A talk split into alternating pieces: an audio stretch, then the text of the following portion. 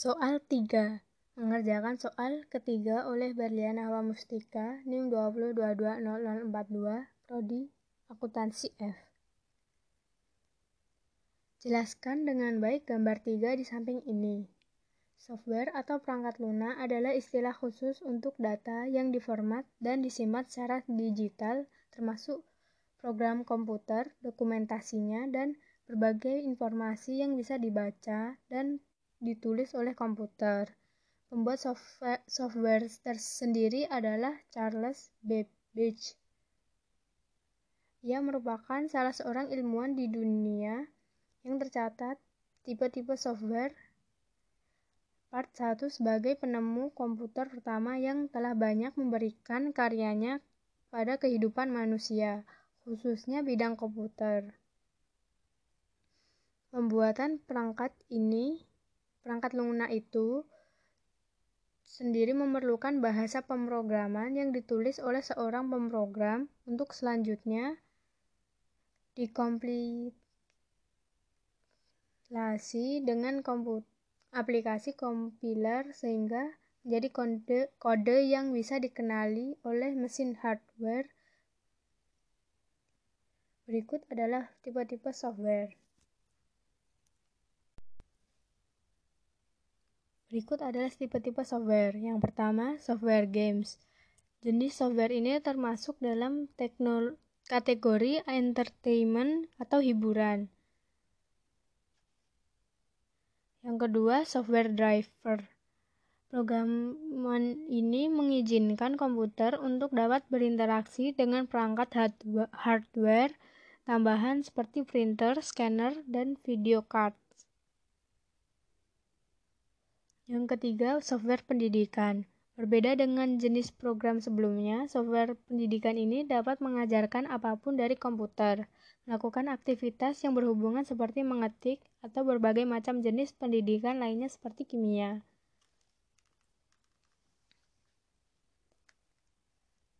Yang keempat, media player dan pengembangan software media lainnya.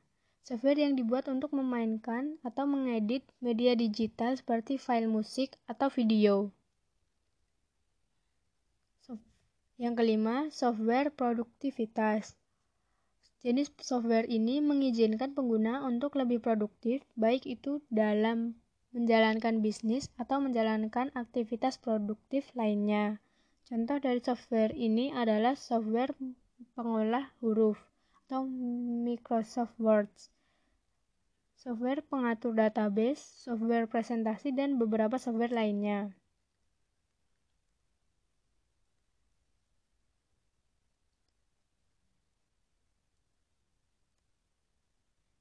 Yang keenam, operating system. Software yang merupakan sumber dari software lainnya yang dapat mengizinkan software lainnya untuk berjalan. Contohnya adalah Windows Vista, Mac OS X, dan Linux Apple.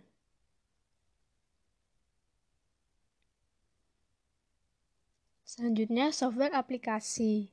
Software yang diinstal pada komputer yang sesuai dengan OS yang ada, di mana software aplikasi ini diinstal sesuai dengan kebutuhan user atau pengguna. Contohnya, Microsoft Office, software grafik, dan software grafis.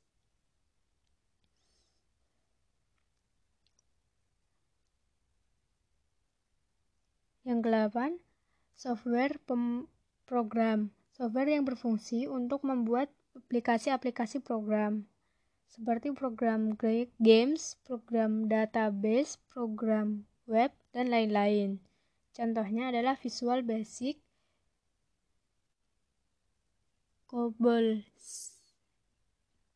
dan C++. Dan yang terakhir, software aplikasi tools.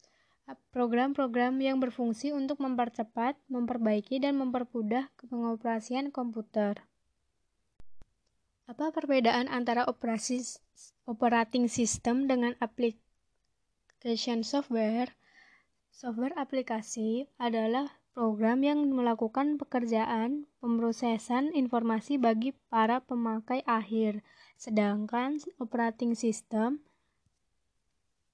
adalah kumpulan program yang mengelola operasi CPU, yang di mana segala kegiatan pemrosesan data yang dilakukan melalui software aplikasi dikelola dan harus didukung oleh sistem operasi. Jelaskan perbedaan open versus closed source software. Berikan contohnya masing-masing. Jika dilihat dari pengertian masing-masing, open dan closed source tentu memiliki perbedaan masing-masing. Yang pertama, dari segi harga. Open source software mengacu pada perangkat lunak yang gratis. Namun hal tersebut tidak sepenuhnya benar karena seperti yang sudah disebutkan di atas, free di sini bukan berarti pengguna dapat memilikinya secara gratis, tapi dapat tetapi pengguna dapat bebas menggunakannya. Sedangkan closed source software merupakan perangkat lunak yang memang berbayar. Harganya bervariasi tergantung dengan kompleksitasnya. Jika diibaratkan dengan harga ada rupa. Yang kedua, dari sisi kegunaan. Dalam open source software, kegunaan merupakan area kritis yang paling besar. Panduan pengguna hanya ditunjukkan untuk mengembangkan dan bukanlah untuk pengguna biasa. Lebih parahnya lagi, buku pedoman ini tidak memenuhi standar dan struktur. Sekalipun tertulis, buku pedomannya sulit untuk dimengerti. Kebalikannya, dokumentasi pada closed source software sangat terperinci dan mudah dipahami karena usability merupakan salah satu keunggulan dari perangkat lunak closed source. Yang ketiga, keamanan. Dalam hal keamanan, open source lebih berisiko dibandingkan dengan closed source karena kode dari open source software dapat bebas digunakan, dimodifikasi, dan disalin oleh siapa saja sehingga hal tersebut dapat menimbulkan menimbulkan resiko adanya hacker dan mencoba menggunakannya. Sedangkan closed source tidak bisa digunakan secara bebas dan hanya vendor saja yang memiliki perizinan untuk melakukannya sehingga keamanannya lebih terjamin. Yang keempat, pelayanan. Open closed source bergantung pada penggunaan online untuk dikirimkan dukungan atau layanan memiliki melalui forum maupun artikel dari blog mereka. Namun sayangnya, layanan tersebut sering gagal karena tidak mendapat respon yang tinggi. Sedangkan jika menggunakan closed source, pengguna akan mendapatkan keuntungan yang sangat baik, seperti mendapatkan dukungan atau support yang meliputi user manuals dan points of contact untuk bantuan segera dari perusahaan layak dengan para ahli dan yang akrab dengan produk dan layanan. Yang kelima, ketersediaan. Open source software dapat dengan bebas digunakan disalin dan dimodifikasi tanpa larangan dan batasan, sedangkan closed source software pemakaiannya terbatas dan harus mengikuti perjanjian dan dibatasi penggunanya. Contoh sistem, contoh open source adalah Unix, Linux, Mozilla Firefox, Open, OpenOffice, dan lain sebagainya. Sedangkan contoh closed source adalah Microsoft Windows, ASP.NET, Pascal, Visual, Visual Basic, Corel Draw, Adobe Photoshop, dan lain sebagainya. Sebutkan software atau aplikasi apa saja yang terpasang di smartphone kamu. Apa saja fungsi atau kegunaan aplikasi tersebut? Yang pertama, Facebook memungkinkan mengirim dan menerima pesan serta untuk mencari dan menambah teman sebanyak-banyaknya. Yang kedua, Instagram mengunggah berbagai foto dan berbagai video dan berbagi foto kepada pengguna lainnya. Ketiga, Noteblock yaitu mengscan gambar ke PDF. Yang keempat, Pinterest, pengolah gambar. Dan kelima, Telegram, aplikasi yang digunakan untuk berkomunikasi dengan orang lain. Twitter adalah aplikasi yang digunakan untuk berkomunikasi dengan orang lain. Dan WhatsApp